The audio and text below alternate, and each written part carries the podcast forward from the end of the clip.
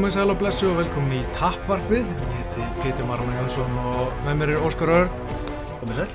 Þetta er áttundi þátturinn okkar, mm. eh, annarsinn sem notaður nafni Tappvarpið. Já. Bara gaman að því. Já, gaman því. Eh, þátturinn eru búið óðinsbúðar. Óðinsbúð eru þetta staðsett í mjölni en eh, það er hægt að fá allt til alls fyrir barda íþróttir og almenna í líkansrækt. Óskar, séru babúkan hana? E, já, þennan flotta hana. Fekk hann í óðinsbúð, Vá. 7800 krónur. Magna. Veistu hvað? Hann er stekkanlur. Ok, Ég get bara komið öllu sem ég þarf í babúkan. trúið þér ekki. ég get stækka hann, eða hann getur basically farið með mér hvert sem er og ég þarf ekki neitt nema hann á babúka. What a time to be alive, sko. Mm Og, herri, hann, tvær útgöður, starri 10.990, minni 7.800 og í óðinsbúðu tilbúrsvort, ein var að 3.000, tvær á 5.000. Ok, magna. Þetta er ekki Herri, Ja. óðinsbúðu í mjöli. Uh, Gestu þáttarins eru þetta Sigmundur Davíð Gunnlaugsson, velkominn. Já, það verður. Það væri mjög fyndið að fá hann En uh, já, það væri mjög fyndið að hann væri diehard MMA fan Já. Er engin svona, svona frægur gaur sem er alveg diehard gaur? Sem eins og Kevin James er úti eða... Nei, Bubbi Mortens Já, ég... Hann er kannski alveg diehard Mm, Og spældi að Sigmundur Davíð væri að retweeta Jack Slack greinum já, Og hann væri að kommenta full á íslenskir MMA fans á, á Facebook það er gekkja. Ég myndi Ég, er, ég myndi hafa smá weak spot fyrir honum ef hann, ef hann væri þannig ég, Mhm. ég er ekki að segja að ég myndi Þú veist Elska hann en ég, ég myndi hafa Ég myndi allan að vorkjörnum smá núna ef, að, ef hann væri mjög hardcore MMA fan Já. Það væri svolítið skemmtilegt. Það var hann í okkar liði, sko. Já, vissulega sko En uh, já, eins og þetta getur það er ekki duður sér búið að fara fram síðan við tölum síðast hérna. Zagreb Þetta karti skrá framöndan. Já, Zagreb karti er núna á sunnudaginn. Svo er það Fox, það sem Khabib snýr lóksins aftur. Og svo er það, já, John Jones karti Við erum alltaf komin ánar að því og eftir bara. Já. uh, Já, við kannski byrja bara John Jones uh, Kannski fara aðeins yfir málið svona fyrir það sem er ekki í því. Hann uh, var stoppaður síðasta 50 held ég. Uh, fyrir minniháttar umfara brot fekk 5 sektir þar sem hann var að uh, löggan sagði að vera við spinnukeppni uh, Mm. fór samt aldrei yfir hámarsaða og var að þennja vélina fekk sekt fyrir það og eitthvað svona 5 svona bull minniháttar brot og svo var hann auðvitað með kjáft og, og leiðindi við lögguna sem var svo sem ekki alveg saklu sjálfur. Og hann þurfti að gista tvær nættur í gæsluvaraldi fyrir þetta því hann er náttúrulega skilorði Hann er svo veitlis. Uh, Man alltaf grunar lauruglunum að vera svolítið að, að- að elda hann og leggja. Já, En það samt afsakar ekki að rífa kjaftu lögguna. Það er bara, það er heimskulegast sem hann gerir. Kalla hann að svín og veit ekki hvað, hvað, eru menn að spá. mm, Vitandi að þeir eru í upptöku, sko. Já, nákvæmlega, hann, þegar hann benti upptökuna bara Are you recording? Þá Já. svona einhvern veginn fannst mér eins og kemur svo tvær grímur á hann en samt held hann áfram bara að rífa kjátt en, Mm. En það er eins og læri ekkert. Hann er alltaf að gera sömu mistökin sko. Já, keirandum á, á þú veist, af hverju. já, já, en svo sagði dómara við hann ef þú kemur afturringa þá myndi það ekki enda vel fyrir þig. Nei, sem þýðir bara að hann er að fara í fangir sem hann brýtur aftur af sig þó að sé bara algjörlega minni háttar brot. og það er nóg eftir þessu skilur sko. Það- var ekki sviftur aukulefi. Það er ótrúlegt. Já, það var ekki samt að hann þarf leifi frá einhverjum til að Já. hann þarf hann þarf að byggja um leiði frá honum til að fá að kera Já, er, er hann að fara að gefa hann leifi? ég myndi ekki gera það, ég var að reynda virkar En þú veist, af hverju var hann ekki bara sviftur? Já, ég segi það, það og hann er fyrir í aukukefsli sko. Mm. það er auðvitað mjög skrítið. Ég var til að sjá svona, það er auðvitað að gera eitthvað grína því, svona sketch show, John Jones í aukutíma Já, og í- er ekki svona einhver eh, mennsmynd, Samfélags, já. Jú, já, samfélagsþjónustan. Community service. Já, hann er náttúrulega búin að vera segjast njóta þess alveg bótt vera að tala við unga krakka með verið ekki dópi og, og eitthvað svona og hvernig hann áði árangri og svona. Mm. Það ætti eiginlega bara að vera svona reality þáttur. Ætti ykkur að vera eldan bara. Já, og bara hann að keira Já, hann myndi Bara- lenda í geðvökum æfintrum Driving with John Jones. Það myndi í gegn það væri mjög fyndið. Það var líka hann alltaf misti smá stjórn á sig hann við löggana var pyrraðar hann are you fucking kidding me? og svona drullaði yfir löggana og það að fara í anger management það er Mm. auðvitað líka svolítið fyndið Ég sko. held að hann veit ekkert að því nei, Það er líka bara, veist Hann er alltaf að tala um að þroskast já já og hann, hann, hann bara breytist ekki neitt sko. nei, hann er það sami djúsbækin einhvern veginn svona. Málega er sko, ég fíla hann alveg þannig sko. Ég bara vill hann haldið sér frá jailinu sko. já, já, algjörlega bara, hann mæti bardagana en má alveg vera dúsbæk, það er fínt sko.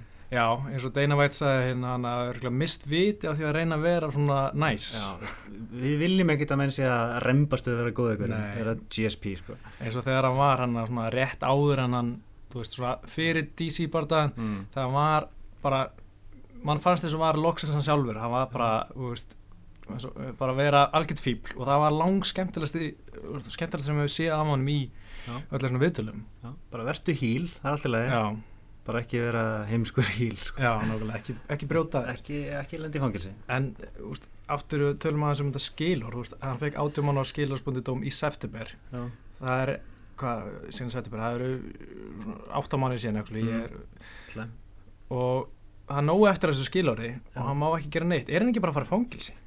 ég sé hann ekki sleppa úr þessu tímanbili öðruvísi sko. Nei, ég held að hann... og sérstaklega löggan er á eftir hann sko. Já, algjörlega, í Albuquerque í New, Mexico, þar er svona skils mér sko að löggurna séu svona, finnst ekkert leiðilt að stoppa hann sko. Nei. sérstaklega eftir hvað hann gerði hann að Já, hann ógá ólötukonun á flúðu vettangi nákvæmlega það og er núna búin að kalla löggu svín. Þú veist það er náttúrulega bara olíu og eldin algjörlega. Þannig að hann er bara eftirlýstur þarna sko. Já, samt, öll þessi vandamál hafa maður samt engar áhyggjur af framhjörstuna hans í búrinu. Nei, Maður heldur alltaf bara að hann veri alveg að góður og Já, áður, en já. bara alltaf vittlis fyrir já, Það er, það vantar bara eitthvað svona gauður sem er hangi bara með honum og bara nei, Mm. nei, nei, ekki stoppa núna. En hann sagði í, í MMA ár, þá er hann með eitthvað vinsinn með sér sem keira hann um, en svo stundum þarf hann að keira sjálfur. þannig Þa, að það var áður hann og dæmdur hann um daginn. Já, og hann er að re- rétta hann um prótendrykki eða eitthvað starfsættræðingur og eitthvað og er á að, hann er mjög þakkláttur honum segir hann, en hann er kannski ekki alltaf til staðar. þannig að öll þessi atvik er ykkur örfá í þessi örfá atvika sem hann er að keira það er basically alltaf þegar hann er að keira þá gerist eitthvað. Það hljómar ekkert svo hvernig að segja að vera bílstjóri John Jones, ég held að það sé mjög áhugavert. Ég myndi að hann kemur til Íslands og bara herri, ég ætla að æfa hennar fjóra mánu eða fjóra Mm. vikur. Mm. og maður væri bara einhver bílstjóri fyrir hann í fjóra vikur. Það væri mjög áhugavert sko. Já, ég til í það. Já, ég var alveg til í það en ætla USA sé stressa yfir því hann verið meistari og alltaf svona á bláð þráði við að bara fara í fangilsi Já, það hlýtur bara að vera. Og veist, hver einasti bardagi er í, í óvissu. Já, algjörlega. Bara, og veist aldrei. Nei, þetta er svona eins og vera með gauður sem er, er alltaf á styrum eða, eða alltaf að reykja já, getur dottið út bara með engum fyrir ára svona svo neitt í ES bara Já. já.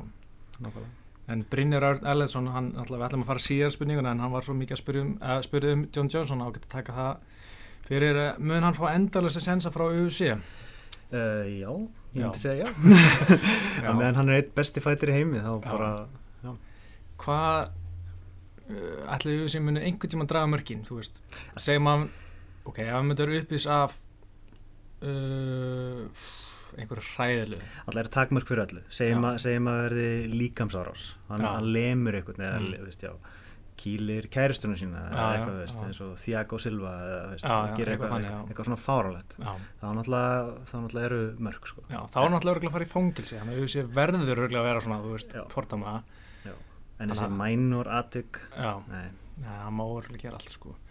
En ég get alveg trúið að hann myndi uh, mætti gera hvað sem er svo lengi sem er ekki, veist, bara bannan í eitthvað svona fáralega alvarlegt mm -hmm. og sé mann alltaf hleypunum tilbaka þegar hann er búinn að sitja af sér dóminn Já. og, að hann, og hann myndi alltaf vera áfram bara besti, maður, besti barðamaður í heimi veginn. hann ætlaði sínt sig að sé bara að hugsa um dollarana sko. það, Já. er bara svo liðis, þetta er bara business Já, já, og John Jones sagði líka við hérna Arvel Helvani það var í svona, tóku svona langa göngu um Albuquerque já, svo að hann fannst hérna Lorenzo Fertita sína svona smá samúð með honum svona Mm. virkilega hugsa um hans svona heilsu og, og bara líf. Lífa. en Dana White bara ekki neitt hann nei, það eru svolítið ólíkar típur já, en eh, já, maður er að Lorenzo er meira svona human. Já, svona- en samt er hann en hardur í þær business kall sko. já, já. En maður líka heyrt sko að margir sagt mjög svona góðar sögur af Dana White í viðskiptum sko svona, Já. eða þú veist, bara ekki viðs, viðskiptum heldur bara svona, Eitthvað. já, verið með persónulegur og þægilegur ætla að vera góður vinnur eins og Chuck Liddell, Já, já. náðunum úr sportinu, en hann myndi meiðast og svo leiðis, þannig að það maður alveg séð þær hliðar á hann. mm og ég man eftir að segja eitthvað Twitter af einhver strákur saman með mm, eitthvað krabba minni eitthvað svoleiðis og hann tvítaði á. Dana White sá strax og bara gaf hann allt sko, allan VIP access í heiminum fyrir eitthvað kartum daginn og, og, og White er ekkert að tala um þetta þetta var bara fóruldrar sem kom með þetta og Mm, já, hann er alveg með sína hliðar á sér já. en hvernig líst þér á John Jones vs. OSP Ah, Alltaf með valkostina það hefði maður viljað Rambúl.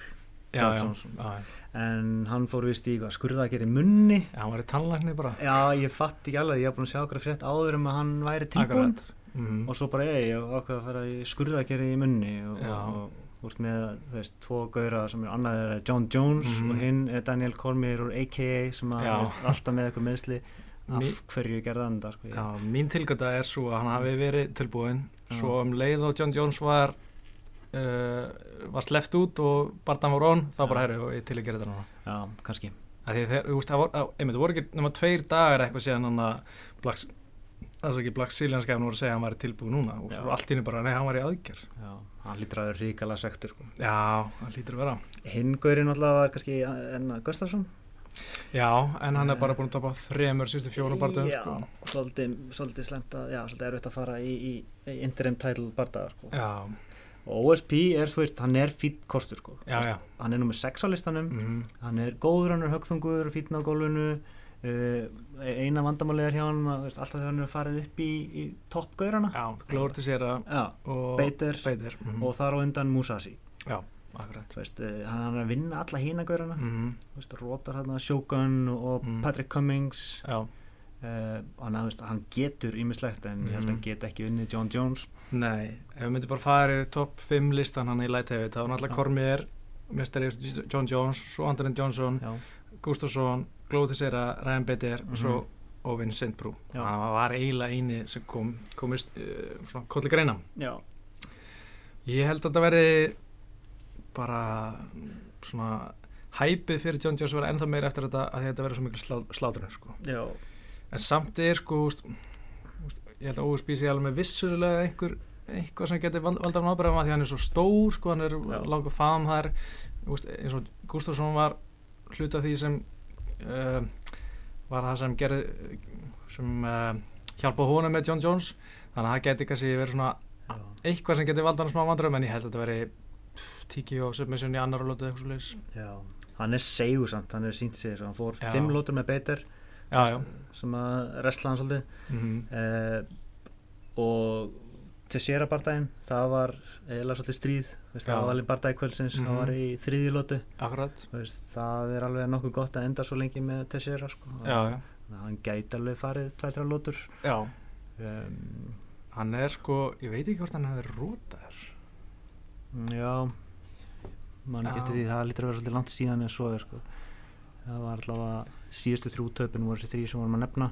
Já, en uh, hann, hann var- var með eitthvað töp fyrr á ferlinum já, hann var sko þrýr fjórir bara í byrjun sko. Og hann er já, hann, það hefur einhvern veginn í byrjun. Já, var hann ekki fútbólgur jú, hann var eitthvað í en var aldrei fællin eitthvað eitt hann hann var bara, hann var sko í kringlukasti hindrunarlaupi, amerísku fótbolta og wrestling. Já, og fór í fótboltan, það gekk ekki og fór þá bara að æfa MMA til þess að halda sér í formi og, og svo bara drullu góður í. Já, og hann er bara 32 ára sko en, en hérna drullu góður svona, heit, maður sér alveg þetta geggjaðir íþjóttumæður mm mjög svona explosive og hraður en mér finnst það gasa stundum svona að því að hann er svona líka svolítið svona vantar svolítið voljum hún það gerir stundum ekki neitt nema kannski eitt og eitt högg Já. eitt högg, býður, eitt högg og býður og gerir ekki neitt. Já, það er bara stílinn já, það er svona sé ekki ganga vel á móti John, John Jones á stíl en hann er góður countera sko. Mm það er eitt af því sem er svona hann er svona styrklegum sko já, en svo veitum við hvernig John Jones mun líti út Nei, hann nei. er búin að buffa sig upp já, já, kannski verður hann þreyttari fyrir en vennilega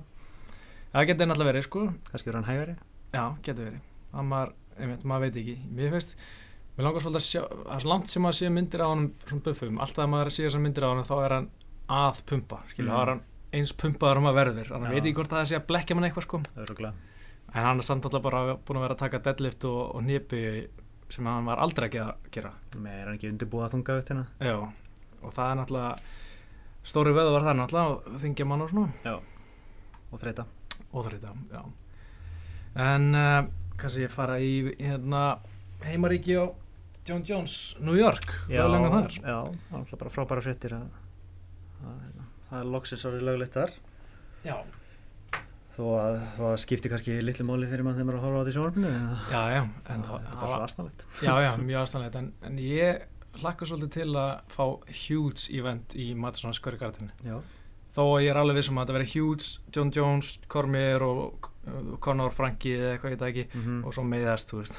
Já, já, alveg frekar svona uh, laklaustur einhvern veginn. En uh, já, það sem mér áhugaverst, áhugaverðast við þetta var ég aftur að hugsa um uh, þú veist, maður sá þingmennan að vera að tala um eitthvað sem við veit ekki um ég held að það er svolítið svona á Íslandi sko, ef Já. MMA er tekið fyrir á þinginu fullt af þingmenni sem hafa aldrei hórst á barða að vita ekkert um íþrutuna Mhm. og væru að tala um málinni sko af svona smá passjón að þess að vita nokkuð um málinni Já. og finnst það líka smá skeri að sjá þingmennina vera sko tala svona mikið um málinni sem það hafa ekki hundsvit á Já, það sker ég og hugsa um öll hinn málefni Já. sem við erum að tala um. Sem þú gerir ráð fyrir að þeir vita eitthvað Já. um, en það er ekkert gefið. Nei, en maður svona maður er alltaf að trúa því að, að menn þú veist fari varlega í umræðinu og, og, Mhm. og tali skynsamlega. Já. Og áðurinn menn fara eitthvað að, að vera verið með eitthvað sleggjadóma hérna þá kannski Mhm. verður maður bara að vona. Já, ég sé fyrir mér að Stengur mjög og Sigfússon og svona uh, þannig kallar verið svolítið með sleggjardóma gagvart íþróttinni á þess að hafa kynnt sér eitthvað mikið sko. Já, það var ekki, það var eitthvað umræðin um nefaleika á sinni tíma. Jú, jú, og það var, það var, voru stóra orð látin falla. Já. Gott að það var ekki, nei, ég man ekki já. og svona sem maður ætti að svona undirbúa svo svolítið undir það undir kannski ljóta umræði ef þetta verður einhvern að tekið fyrir, að vonandi verður þetta tekið fyrir nú bara einhvern tímann. Það kemur að því sko, já, vonandi bara fljótlega. Já, það kannski auðvitað að maður ætti að undirbúa sig að tækla þessar heimskulu ásakanir Þú fengur náttúrulega pínu vottaði eftir tapið hjá Gunna á móti Maja já, þá svona mikil, mikil umræða um höfuhögg Mhm. og allt þetta og, og maður svona er að þetta verður örugglega- umræðan verður svolítið á þeim nótunum já, já þetta er líka bara veist, að, að vita þetta allir sem er í MMA mm. veist, Mm. þetta eru höfhög og þegar höfhög er annars, annars veitir staðar er það alltaf hættulegt. Og það er bara þannig, alveg svo er hættulegt að fara í brun og hættulegt í rally, formule 1 mm. við vita alveg þessu, þeir eru samt bara tilbrun að taka þessu átu til þess að gera þetta okkur ekki bara já, leifa það bara í fótbolta það er mennur að stórslasa sig og jafnvel deyja sko. já, já, það er, það er allt hættulegt. Það má ekki neitt. Má ekki neitt. En uh, næst sem ég langar að ræða um er, sko, er skortur á challengers, mm. Mm. svona áskorundum í middleweight? Sko. Já, sko, Chris Weidmann og Luke Rockhold er að bæris núna, mm svo næstur er auðvitað Shakari Sousa ef hann vinnur Vito Belfort Mhm. og svo er Jólra Meir og hann er mögulega að fara að koma tilbaka eftir bara nýjum mánu bann, sko, að var, hann náði eitthvað hann útskýrta nógu vel eh, fallega liðbúrufi já, uh, fyrir USATA og eitthvað en eftir það er það alveg bara Michael Bisping sem er orðin 36 ára gammal held ég, 37 já. Uh, Andersson Silva orðin 140 eða eitthvað, Já, fjör- 41 allir orðin þreyttir á já, Líðan Masíta er 38 ára. Mm uh, svo er næstur er Robert Whittaker hann er svona eina svona ungi up and comer sko hana á þessum lista. Mhm. svo Gegard Musasi, jú, ég held hann ég held hann geti ennþá bætt sig sko og hann komast ofar ekki, samt síðan ekki sem mistaran sko. nei, nei, en kannski contender, já. Já, top 5 kannski Já, svo er þetta bara pff, Tim Kennedy, hann er einhvern tímann að fara að snúa aftur en ekki barist í meir en tvö ár held ég já, hann er alltaf samt drullu góður sko. Já, já, hann er líka komið svolítið aldur hann er árið 36 held ég allan sko. svo Júraði Hall sem er einhvern veginn alltaf býð eftir hann er einhvern veginn ekki fara að gerast Mhm. Derek Brunson, hann hefur sínt fín tilþrið en sé hann Já. ekki fyrir að vera með að vera einhver, einhver áskorandi sko Nei. Og Talis Leitis er náttúrulega held ég að sé ekki að vera að toppa eitthvað, eh, hann er í 12. seti ég sé hann ekki að fara neitt mikið hær en það sko. Nei, hann er svona búin að sína allt sem hann hefur eiginlega þannig séð. Já, og svo Rafael Nadal sem er bara saman með Leitis, Dan Henderson, Sibi Dalloway Já, þetta er ekkit ólega spennandi listi sko. Nei, Það horfður kannski á velduviktinu og undan það, er, það er alltaf ykkur sem gætu farið upp. Já, já, þó að sé svolítið stökkan á milli sko, það eru 15 pundan á milli. Já, já, algjörlega. kannski Rory ef að segjum að, að veist, hann, hann fá ekki annað title shot kannski ákvæðan að stökka upp, hann er nokkuð stór. Já, já, Johnny Hendricks Já, Woodley, Já, Tyra Woodley er náttúrulega fárálega stór. Mjög stór. Já, alltaf fundist- Kelvin hefur barist í millivikt. Já, mér er alltaf fundist Dongjan Kim drullu stór. Já, Hector Lombard var í millivikt. Já, hann er að fara upp. Já, hann er bara Já, að fara upp. hann sagði það um daginn. Já. en þú veist, ég var samt að hugsa þetta með milliviktina þetta hefur eiginlega alltaf verið svona. Já, að hugsa út í bara söguna veist, það var, mm Mhm. veist, Rich Franklin tók, tók tillina af Evan Tanner og veist, hann, hann ver hann á móti móti einhverjum svona lala hverjum hverju var aftur, var það Elvis Sinusik eða eitthvað líka eða uh, það er það upp. Já, voru, bara. Já, það var hérna uh, David Loasso. Já, akkurat. Og einnig viðbót uh, áður hann að tapa tillinum til Silva Nate Quarry Já, Nate Quarry, það er eftirminnilega á móti já, Nate Quarry, það var alltaf geggja Já. en þú veist, þetta er ekki, ekki, ekki stóru nöfnin sko Nei, ekki Og svona svo- söguleg samhengi sko. Nei, svo kemur náttúrulega Andersson Silva hann Já. ver hann að titilin í eitthvað tíu skipti og mörg, mörg af þeim voru svona ok, það er Patrick Cote veist, það er Mhm. ok, Nate Marquardt Kami Okami, veist, þetta eru það, það hefur aldrei Talis verið svona brjálæðislega mikið af talentana, það var Nei. Vítor Belfort er, og Henderson. Mm, Dan Henderson. En uh, Það er ekki svona stóri kallar í þetta- söguleg samhengi. það hefur aldrei, hafa aldrei verið neitt rosalega margir á sama tíma. Nei. það hefur aldrei verið svona léttíkt Nú eru einhvern veginn upplega smá gull tímbil með Rockhold, Whiteman, Shaka Ray, og Romero. Romero. Ég nefnilega er eiginlega bara mjög ánæður með þessa fjóra sko. Já, og, algjörlega og veist, þó að já, svo náttúrulega erum við með þarna gömlu kynnslóðuna til þess að veist, bakka það aðeins upp eins og Mhm. Masita og Vítor og, og, og Bisping Já, en uh, það eru gauðra sem maður sér eiginlega ekki vera meira, veist, fara ofar en, en topp 5 sko. nei, akkurat sko En ég hef alltaf verið mikill Musashi maður en Já. hann er alltaf að valda með múbrum ég, síðast náttúrulega var hann að rústa hérna Talis Leitis en einhvern veginn, þú veist mér finnst alltaf eins og hann geti sett í annan gýr og klára þetta, en svo segir hann herru, ég var að berjast hérna móti drullu góðum gæja mm. Mm. hætti að baula mig og ég er bara að gera mitt besta hérna. Maður svona, já, ég get alveg veist, tekið undir það sjónum en mér finnst bara eins og hann geti gert þetta betur. Já, eða veist, ekki betur heldur, geti gert meira. Já, kannski er eitthvað sálfræðilegt eitthvað þröskuldur. Já, og það líka það er alltaf eins og hún sé drullu saman þannig er bara oh, og bara líka í viðtölum og svona þetta, er leiðilegasti gæi í heimir þú er auðvitað ekki ég er smá gaman að því hvað hann er svona alltaf eins og sé að sopna Já, ég er smá gaman að því. Já, síðast var að drullu pyrraðar eftir bardaðan Ég hefði smá gaman að því líka. Já, smá tilfinningar. Já, og hann líka var í geggjar skýrtu ah, ok, mann ekki því. Nei, ok. Já, hann var líka eh, hann er, sko, er með einhverja sko 40 bardaði í MMA hann er búin, og hann er bara Já. 30, 30 ára sko. Það er magna Já, hann er búin að vera helviti lengi að og sennilega ekki tekið neitt áhuga manna fyrir.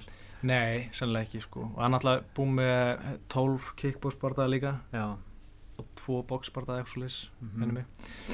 Alltaf, á þeim tíma sem hann var að koma þá var kannski ólítið í áhuga manna Já, það getur verið. Hann var byrjað held ég 18 ára að berjast sko. já, það er svolítið út hann var líka í judo heil lengi og barist í Japan, hann barist í Pride. Já, bara, það virkar svona röglega ekki margir þrítið sem barist í Pride. Nei, svo spurning þú byrjar svona snemma hvort þú slitnar Já. og verður gamall fyrr? Akkurat, ég ótt uh, ég sá einhverja tölfræði það sem búið að taka saman að nýja árum eftir þú tekur inn fyrsta atvinnumannabarda svona meðaltali, þá byrjar að að hérna dala já, ok, og svo eru undartekningar eins og Anders og Silva og, og Frank Mir held ég. Mm en svo svona að meðaltali nýja árum eftir tekið um fyrsta parta þá, og öll þungavittin undatenni já, nákvæmlega.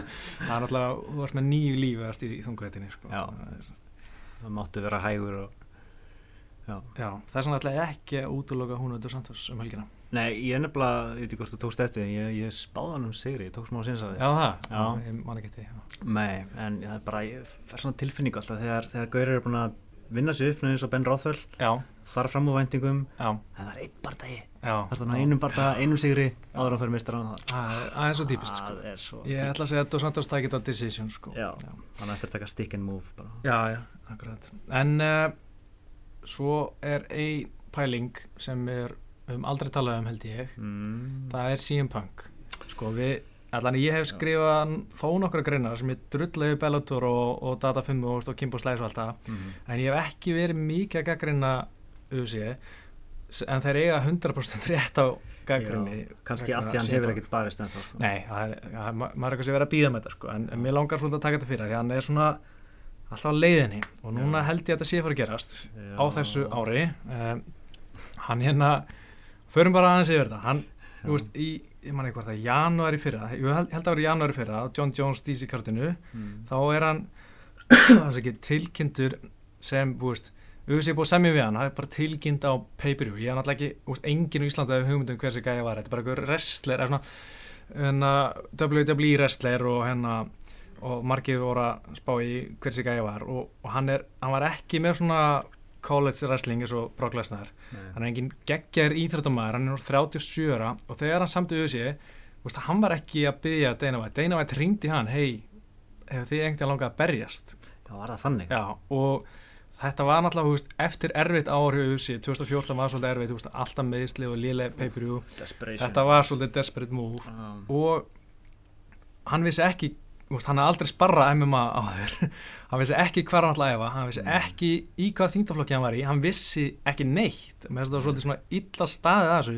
Já. og ég held að ef við myndi gera þetta í dag þú veist, spurja hann, halda þessu leindu ég held að hann myndi bara beila sko, þú veist, hann búin að vera tvær aðgerið síðan hann sam, samdi við þessi og ég bara trúi ekki og getur 36 ára, Mhm. núna 37 ára orðið UFC fætir átjá mánum, það, það er bara ekki hægt. Þú veist, nefnum að sért eitthvað freak of nature sem ég held að hann sé ekki. Orðin slitinn, þess aðgerðir mm og já, ekki með, ekki með þekkinguna bakgrunnin og ég er bara já, og að vinna strák eins og Nicky Gall sem virkar mjög góður. Já, þó hann sé ekki kannski þú veist, efstur á styrkleika listum sko, en hann virkar gaur sem er mjög erfiður fyrir, fyrir manni eins og síðan punk sko. ég, myndi, ég myndi aldrei spá punk nála til að sigra hann sko. Veist en það eiginlega bara hálf daburt allt saman sko. Já, hann alltaf var bara eitthvað kvítbelt í Jutsu sem Já. var að æfa einhver enga tímum hjá einhverjum greisi, ég man ekki hvað greisi já. og var bara að fíla og svo ákvaða hann að fara MMA og þá byrja hann að læra að boksa þá byrja hann að læra að kickbox og, Já. og wrestla já, bara það er ekki hægt að vera auðvitað sig góður á tjámánu ekki hægt Nei, hann, þetta verður auðvitað svolítið skrítið að sjá þetta og mér finnst alltaf smá leiðilegt að sjá hvað sérstaklega Ariel Helvani er mikið að spá í þessu og, og, og veit hann mategli en það er hann hjúts nafn í, í bandrækjum, hann er með fleiri followers á Twitter en, en auðvitað það er alveg máli, hann er stjarnar þar Mhm. við vitum ekkert hvað gæði þetta er Nei, hann er okkur alveg drullu saman sko. já, sko. og það er alveg máli, ég er eiginlega alveg skýt sama Mhm. svona ég hef alla nefnt að hugsa um hann og mér er alveg sama þú veist, berist tisa trísar í öfsi og, og tapir og öllum Já, veist, ég bara nenni líka að hugsa um hann lengur sko. mér finnst það bara að vera aukaðatri hann er, Mhm. mm hann er irrelevant. Já, mér finnst, ég held að hann berist ekki meir en eitt barða, ég held að vera í svona one and done bara. Bara, beatdown já, held ég. Gall er bara svona, örgulega, fyrir eitthvað svona efnilegu fætir það er líka spurning hvað þeir gerir með hann eftir hann er búin að vinna CM Punk, þá er hann uh, 2-0 já, eða nei, 3-0 sem atvinnumæður mm þú veist, hann verður örugglega að berja einhverja svona alveg lowest of the lowest að bara til þess að byggja sig upp. Já, og svo held ég að geta svo erfitt að fá þetta step up í, í competition sko þegar þú ert að læra svo mikið. Já. Hann, já. Já, hann þetta er ekki að ganga upp sko. nei, hann söp bara inn í fyrsta luti var það Mickey Gall, ekki Nicky Gall Mikki, ok, ég tók ég eftir að, að þú sagði Nikki ég, ég held að ég gert það. Uh, það er eitt sem hvað pyrra þið mest við UFC og MMA í dag? já, uh, alltaf eins og við tölum oft um þessi rematch já, en svo fyrir ég að hugsa að býta við ættu við þá ekki að vera gett ánæði núna að Kormi hafi meðst já, jú, jú, jú. en uh, ég veit ekki, það er alltaf bara uh, svolítið, mér mér stela þessi þetta, þetta. Þú veist, þetta, þetta á að vera, alltaf vera að segja mann þetta sé alvöru sport, það er að Mhm. búa til styrkleika lista og sína manni hver er nummer 1 og 2 og 3 og 4 Mhm. En í rauninni segir þetta manni ekkert um hver er næstur Nei. í rauninni algjörlega, það er akkurat það sem ég ætla að segja það, þetta er það sem pyrra mig mest við sérstaklega UFC það, maður, þú veist, hver far næsta titilbarta það Mhm. bara getur hver sem er Já. þú veist, það er já, ekkert svona gegnsæði, þú veist, það er ekkert veist, ég held að sé ekki mála að vera með törnament þessu Bellator, það tekur langa tíma og menn meiðast og það bara er erfitt fyrirkomlega sem bara sínt að virkar ekki alveg nógu vel uh -huh. en einhvern veginn þannig bara nú 2-3 berjast svo vinnur fær bardaðan og bara standa við það Já, og ekki rematch já, ekki rematch bara það sem tapar, hann þarf að vinna sig upp aftur Já. kannski einn eða parta Akkurat. eða það var controversial, kannski einn parta já, alltaf lagi en, veist veist, ég var að tala um Frank Edgar sko. já Þú veist, Jesus Ah. þetta er bara já, þetta lítur að vera mjög frúströnd að vera í þessum spórum, vera að vinna Mhm. þessu upp vera nummer eitt, mjög lengi kannski, Já. en ekkert gerist Mhm. hann er náttúrulega bara ég, ég vorkunum oft sko. Já. mér finnst það hann líka þú veist hann getur bara ekki unnið. Þú veist, hann Nei. var quiet og rólur sagði ekki neitt og menn átandi segja hei þú voru að rífa kæft með þér, rífa kæft með þér, láta í þér heyra svo að þú veist þú fár eitthvað. Svo byrja hann að rífa kæft og allir segja hætt að væla, hætt að væla. Hann bara getur ekki unnið sko. Svona alltaf svo sorgmættur og svipin líka hann er smá svona eins og kvolpur hann er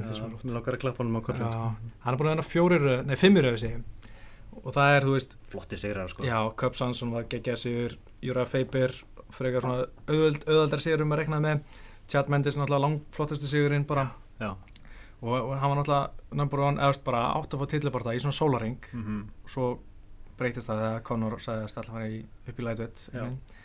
en ég held hann og, og hérna Hósi Aldur er alltaf að berast um interim titil núna auðvitað 200 Mhm. sem er alltaf algjört sem tölum við þá eftir en, en ég ætla bara fullir það að Conor og Franki er aldrei eftir að mætast Hósi Aldar vinnur Franki ekkar Conor fyrir niður vinnur Hósi Aldar aftur fer upp og fer aldrei aftur niður. Franki sittir eftir með sartinni Ekki Nei. Ég er reyndar ekki viss um að fara eitthvað tíman aftur í 145 Nei, Eh, Ég held að hann fari bara í léttvikt sko. já, Það reynda að vera mjög freistandi að að verja beltið sko. já, já. En ef hann fær, ef hann fær segjum hann vinni Díaz Ef hann fær title shot við Dos Anjos. Eftir að unni eitthvað bara dæl velti við, já Já, ég meina, ok, þetta er. UFC og þetta er Conor hann fær það sem hann vill, ég held Mhm. að sé búin að sjá það? Já, já, Já, ég held að hann horfa á þessi tíu pund sem að munur hann og bara, já, held ég hætti, hætti í Já, þetta er bara rugl sko. Það er náttúrulega það sem maður vill sjá en ég hefði viljað bara sjá hann þetta af einu Já, sinni ég veit það ég taka líka. núna bara Franki á UFC 200 Já. svo bara herri í farin. Mér langaði að sjá það líka. Já, ég er svona miljósunum meira spenntur fyrir því heldur en að sjá Nei, DS aftur sko. En kannski verður þetta svona Cinderella story, veist, að, að Frankie. Edgar, vinnur Já, og fær Madison Square Garden barndansinn við Conor í haust. Og vinnur og menn Það er ekki búið sko. Nei, nei, nei, alls ekki, það er nóg eftir. En það er einhvern veginn Ég veit það ekki, sko, ég bara held alltaf að þetta verið svona saga fyrir sem sé á Franki Edgar, hann var alltaf einhvern veginn Mhm. fái aldrei það sem hann á skil einhvern veginn. Ok, en samt sem aður hvað er hann búin að fá mörg title shot? Já, já, Þú veist, hann er búin að fá fullt af tækifærum. Já, já, fekk rematch við Ben Henderson, Já. Fekk síðan instant þannig titilbarta við Húsaldum mm hann fekk þrjá titilbarta sem hann tapaði held ég Nákvæmlega. Hann var náttúrulega meistari fyrst, en já, ok Já, en þú veist, það, það, hann getur ekki sagt að hann fengið title shot sko. Nei, nei, nei, nei. En núna er alveg komið tíma á hann Það er komið tíma, á, allir sammála aldrei Já, en hann fær interim titilbarta og þetta er meiri háttar vittleysa viss mér. Þú ert með mistar hana Já, sem er fullkomulega healthy. Já, og hann er ekki vera beltið sitt. Og sama kvöld og hann er að berast í allt öðru þýndaflöki er hann að berast um interim titilin í þínu þýndaflöki hversu bila er þetta? það er aldrei gerst áður. Nei, algjörlega fáránlegt. Saman hvernig þú hugsaður um þetta. Fyrir utan, minnst eins og Eril Halvani var að segja um daginn veist, hvernig ætli þeim líði að vera sama Já, kart já, já. sitandi á blaðamannafundum með. Conor á hliðin á sér. Veist, þeir eru eftir að líta út eins og já, það berjast um eitthvað platbelti. Já, já, Eh, þetta- meikar ekkert sens það en ég fíla barðan já, algjörlega. Það væri mér finnst þetta interim belti bara algjörlega pointless. Já, bara, bara fyrir plakatun sko. já, all, já, einmitt. Og kannski fyrir Edgar veist, ef hann fær interim beltið þá er hann með svolítið verðu, verða þeirra saman. Það er kannski góð punktur. Já, þannig ef ég verið hann þá myndi ég vera allavega sáttu við það sko. Já, sáttur að það en, en upp á ekki neitt. Eitthvað í hendi sko. já, já, já, það er. En Þetta líka sýnir svolítið hvað Conor er með bara gríðarlega völd í þessi, hann fær bara það sem hann vil Já. þeir voru ósámála, fóru heim til hans. Já, já, hann sagði bara nei. John Kavanagh vildi fá hann í eh, 155 putum DS barðan allana Mhm. en nei, það bara veldu vikt sumaðastæðar. DS aftur. Ég er betri. Já. Auðvitað er maður alveg spenntið fyrir að sjá að mæta sáttir en ég hef bara mik verið miklu spenntari fyrir að sjá Frank Edgar og svo Díaz kannski eða bara, bara eftir eitt ár eða eitthvað. Byggja það þessu en þetta líka sýnir kannski svona auðvitað hvað Conor er ógæsla stórstjana hann getur svona svolítið ráðið ferðinni sjálfur. Og líka svona ákveðna stefnubrytingu á UFC fyrst mér, hvað Ronda Rousey og Conor eru ógæsla stórstjörnur ég held að það geta basically svona haldið UFC nokkur tönni í gíslingu og fengið að gera það sem við vilja. Já. og til ég var að lesa á hana sko pay-per-viewun í fyrra UFC voru sko 4,5 miljonir sem sagt fjöldi og já, yfir Conor og, Rondu samanlagt sko. Já, og sam, yfir ára var 7, eitthvað. Þetta var sem sagt Conor heldin var 7 eitthvað? Já, og þau þau áttu 60% af þessu Já, sko. ok. og veist, og John Jones var hann með 890 þú veist, hann með, með Kormir hann í januar Já. þannig að þau eru bara svo langstæst Mhm.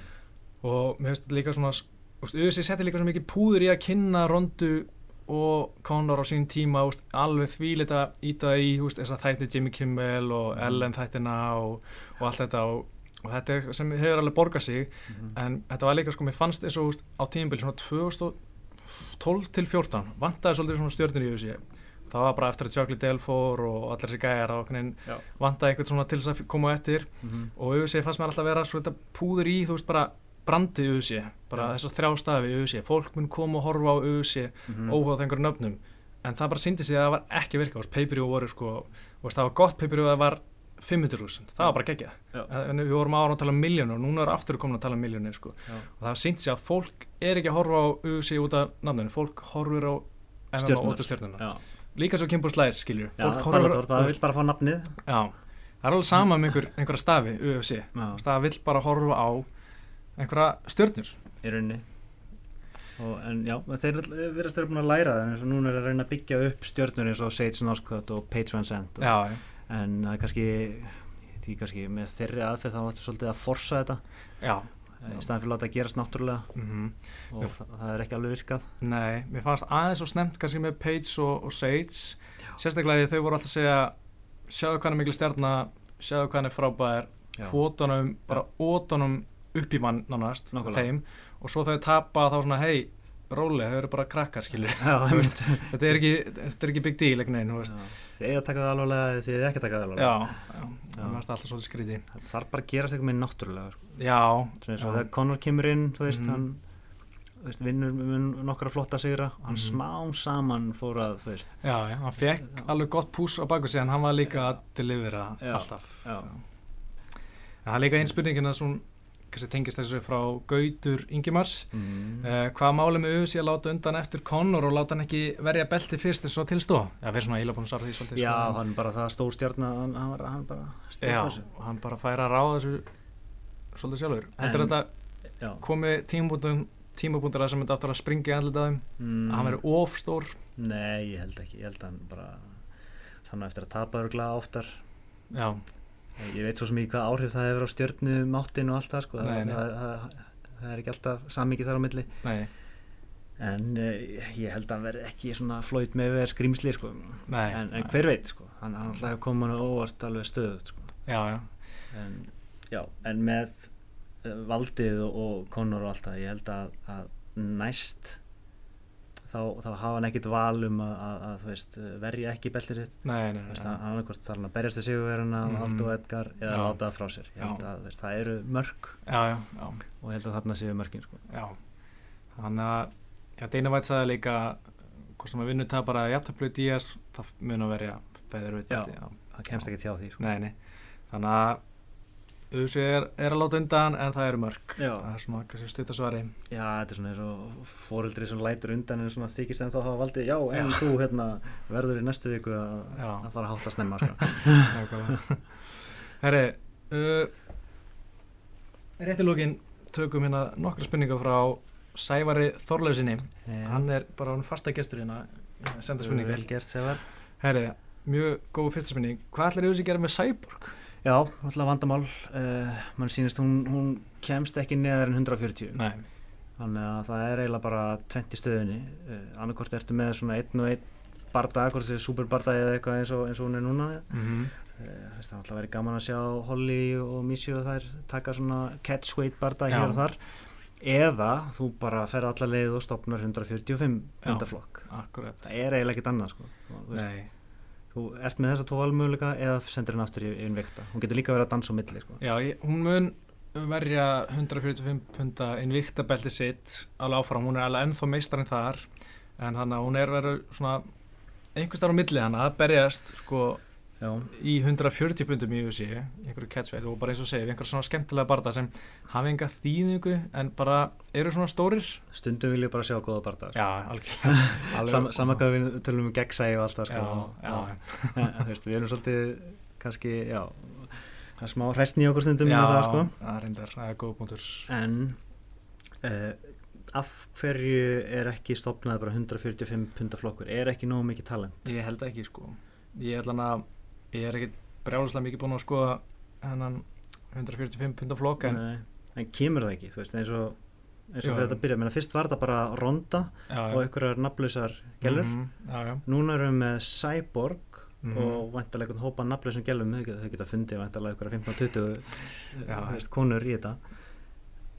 Koma svo ekki bara stjörnuna smá saman? Jú, ég held að það væri alveg hægt að bara þú veist, það þyrfti ekki að vera nema svona 15-20 stelpur hana og Já. einhver að vinna þessu upp í til þess að vera næsta lamp til sláturuna fyrir Cyborg þú Meina, veist, í, í smá tíma skilur, svo kemur einhver ég segi það, Já. Invicta getur þetta af hverju ekki UFC Já, þannig mér finnst að þeir ættu bara að gera það og þá geta þeir verið með svona superbardaða milli mistara, það væri bara gegja eða það ekki, Já, tvö 100 belti Já, Ronda vs. Mhm. Cyborg eða eitthvað, eða Holly mhm. eða Já, það kannski leiðir að annara spurningu hjá honum uh, frá Sævari það búið að tala rosalega mikið um Superfights undanfærið hvað Superfight væri þið til að sjá ég vil sjá Andrés Silva vs. GSP áður en það verður um sena kannski fyrsta lagi, hvað er superbardagi?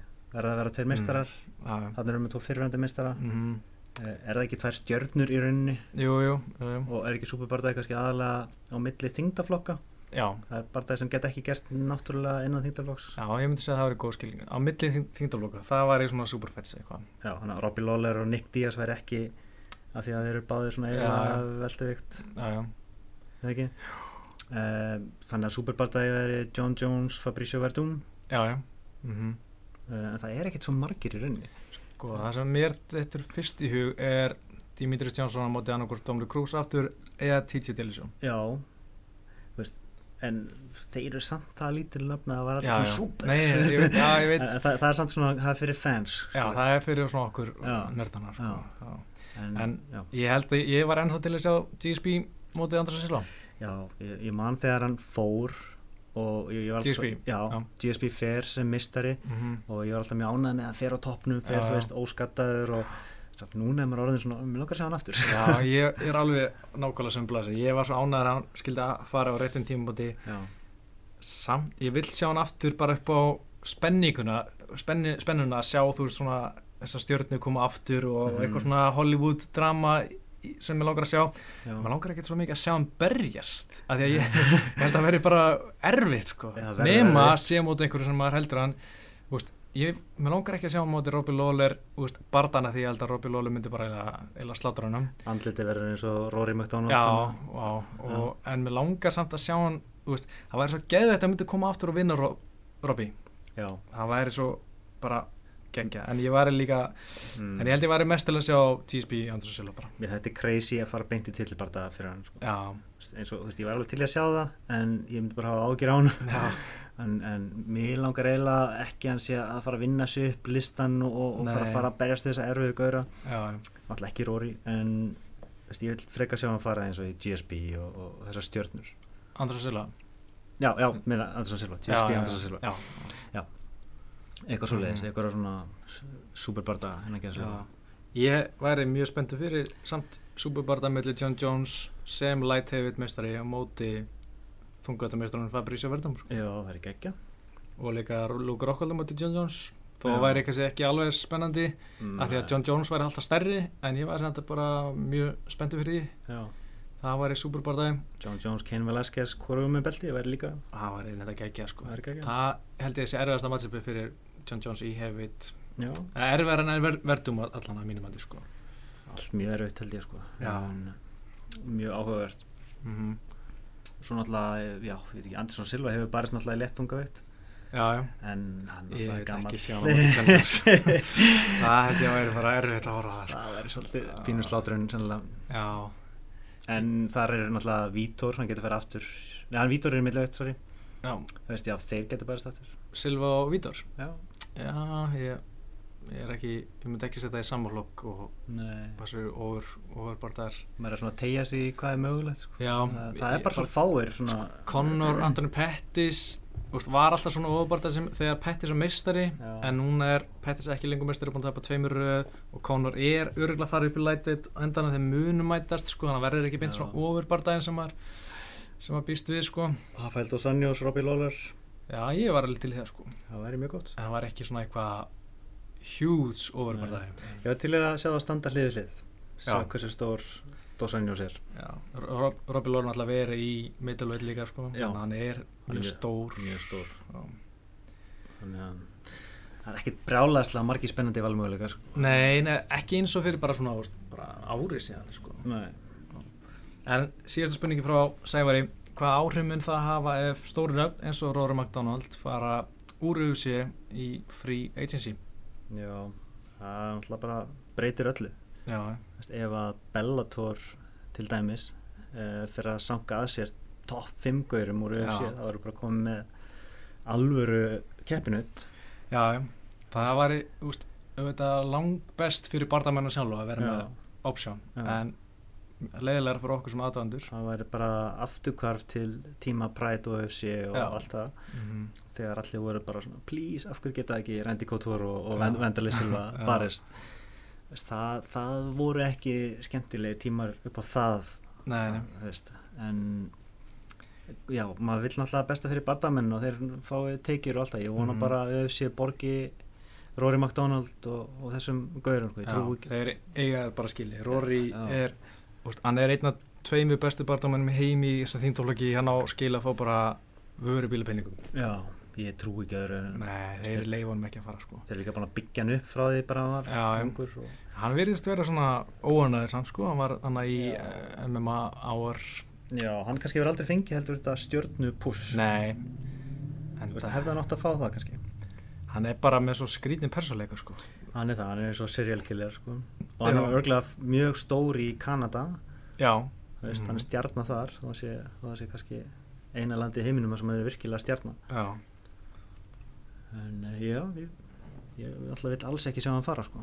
nei, ég meint og eitthvað neginn Mér finnst Bellator vera með svo pirrandi matchmaking oft á tíðum, veist. Michael Page sem er að rústa öllum mm -hmm. hann er alltaf að fá bara einhverja gæja hann, hann er ekki að fara, þú veist, á móti þú veist, Paul Daly eða þessum, þú veist, svona nákvæmlega, þeir eru að verða sko. Þú veist, þeir eru með góða veltveit, þú veist, við erum Paul Daly núna, Ben Mm. Henderson sem er náttúrulega lí- líka læt við, Andri Koresko sem er mistrafið sem er verið drullu góður með Josh Korsek, þú veist, mm, Douglas Lima, mm. já, Douglas Lima, já, þú veist, þeir eru með fullt að góða gæfum og Michael Page er búin að, held ég, vinna fimm barða á móti algjörun nónefns. Reynda var síðasti gæði sem hann átti að móta hérna, mæta hérna Fernandes eitthvað, hann var alveg fínu rönni og, og virtist vera svona erfið próf, sko, Já. en Page meittist og er núna að fara á móti einhverjum gæja sem tapaði síðasta barða og er eitthvað svona bara ég, ég, ég veit ekki, þetta er bara svona bara ótrúlega hæg uppbygging hjá Bellator og mér veist sama með þegar Phil Davis fór yfir nei hann alltaf fór í törnamenti já. já, já, mér finnst bara þegar topp 5 gæjar auðvitað að fara yfir í þá er ég bara að fá tilbarða eins og Ben. Henderson. Já, það er bara rétt að mófið já, og ég held að vinni þann bara þó að þú maður kannski veit ekki mikið með hann anstæðing það ég var með svolítið weak spot fyrir Koresko síðan sá ég Ben Askren bara mistyrum hann sko. Svolítið ég mann að ég sá það líka. Já. En Ben Askren alltaf, hann er, hann er svolítið spes. Já, hann er spes. Hann er aldrei að fara í þessi það er náttúrulega rosa sorglegt sko. hann hefði átt að fara beint í þessu já, þeir bara hefði átt að opna verskið og, veist, já, það er gaur sem að hann er skemmtilegur viðtölum. Já, hann rífi ekki hann, hann Já. lætur í þessi heyra það ef hann er ekki ónar ég held að hann er alls ekki company menn sko. Það er kannski eitthvað sem auðvitað er ekki eða var kannski smá hrætt við þannig já, þeir þurfa bara aðeins að taka síðan sín sko. já, og þú veist, það var með smá orð, orðspor á sér að, að vera að berjast leðilega já. Ég er ekki alveg sammálað því. Nei, mér finnst það alveg vera með svo skemmtilega öðru sér stíl og, og Mhm. svona, mér finnst þetta með svona gæti kýlt fastar í gólfinu, þú veist, er með backmount og, þú veist, búin að flytja gæðin út á er að samt bara svona dangla í hann. Okkur bara hamrar hann ekki í hann sko. stundur svona, Svona Maia veist, já, sko. eh, En þeir tveir saman, veist, hversu góða bardagi verið það? Það var ekki ekki. Ég sá ekki til Marcelo Garcia rústa í ykkur í gólklumi það var úgæslega gaman. Já, þannig að ég var til að sjá með Maja mótunum og sjá hvernig það myndi fara. Já. Damian Maia stóð sér nú vel á móti hennar Marcelo Garcia. Það var eitthvað vídeo á honum að honum ok, að æfa. Já, ég ekki sé það. Þannig að með við það þá Já. var það ekkert að marka.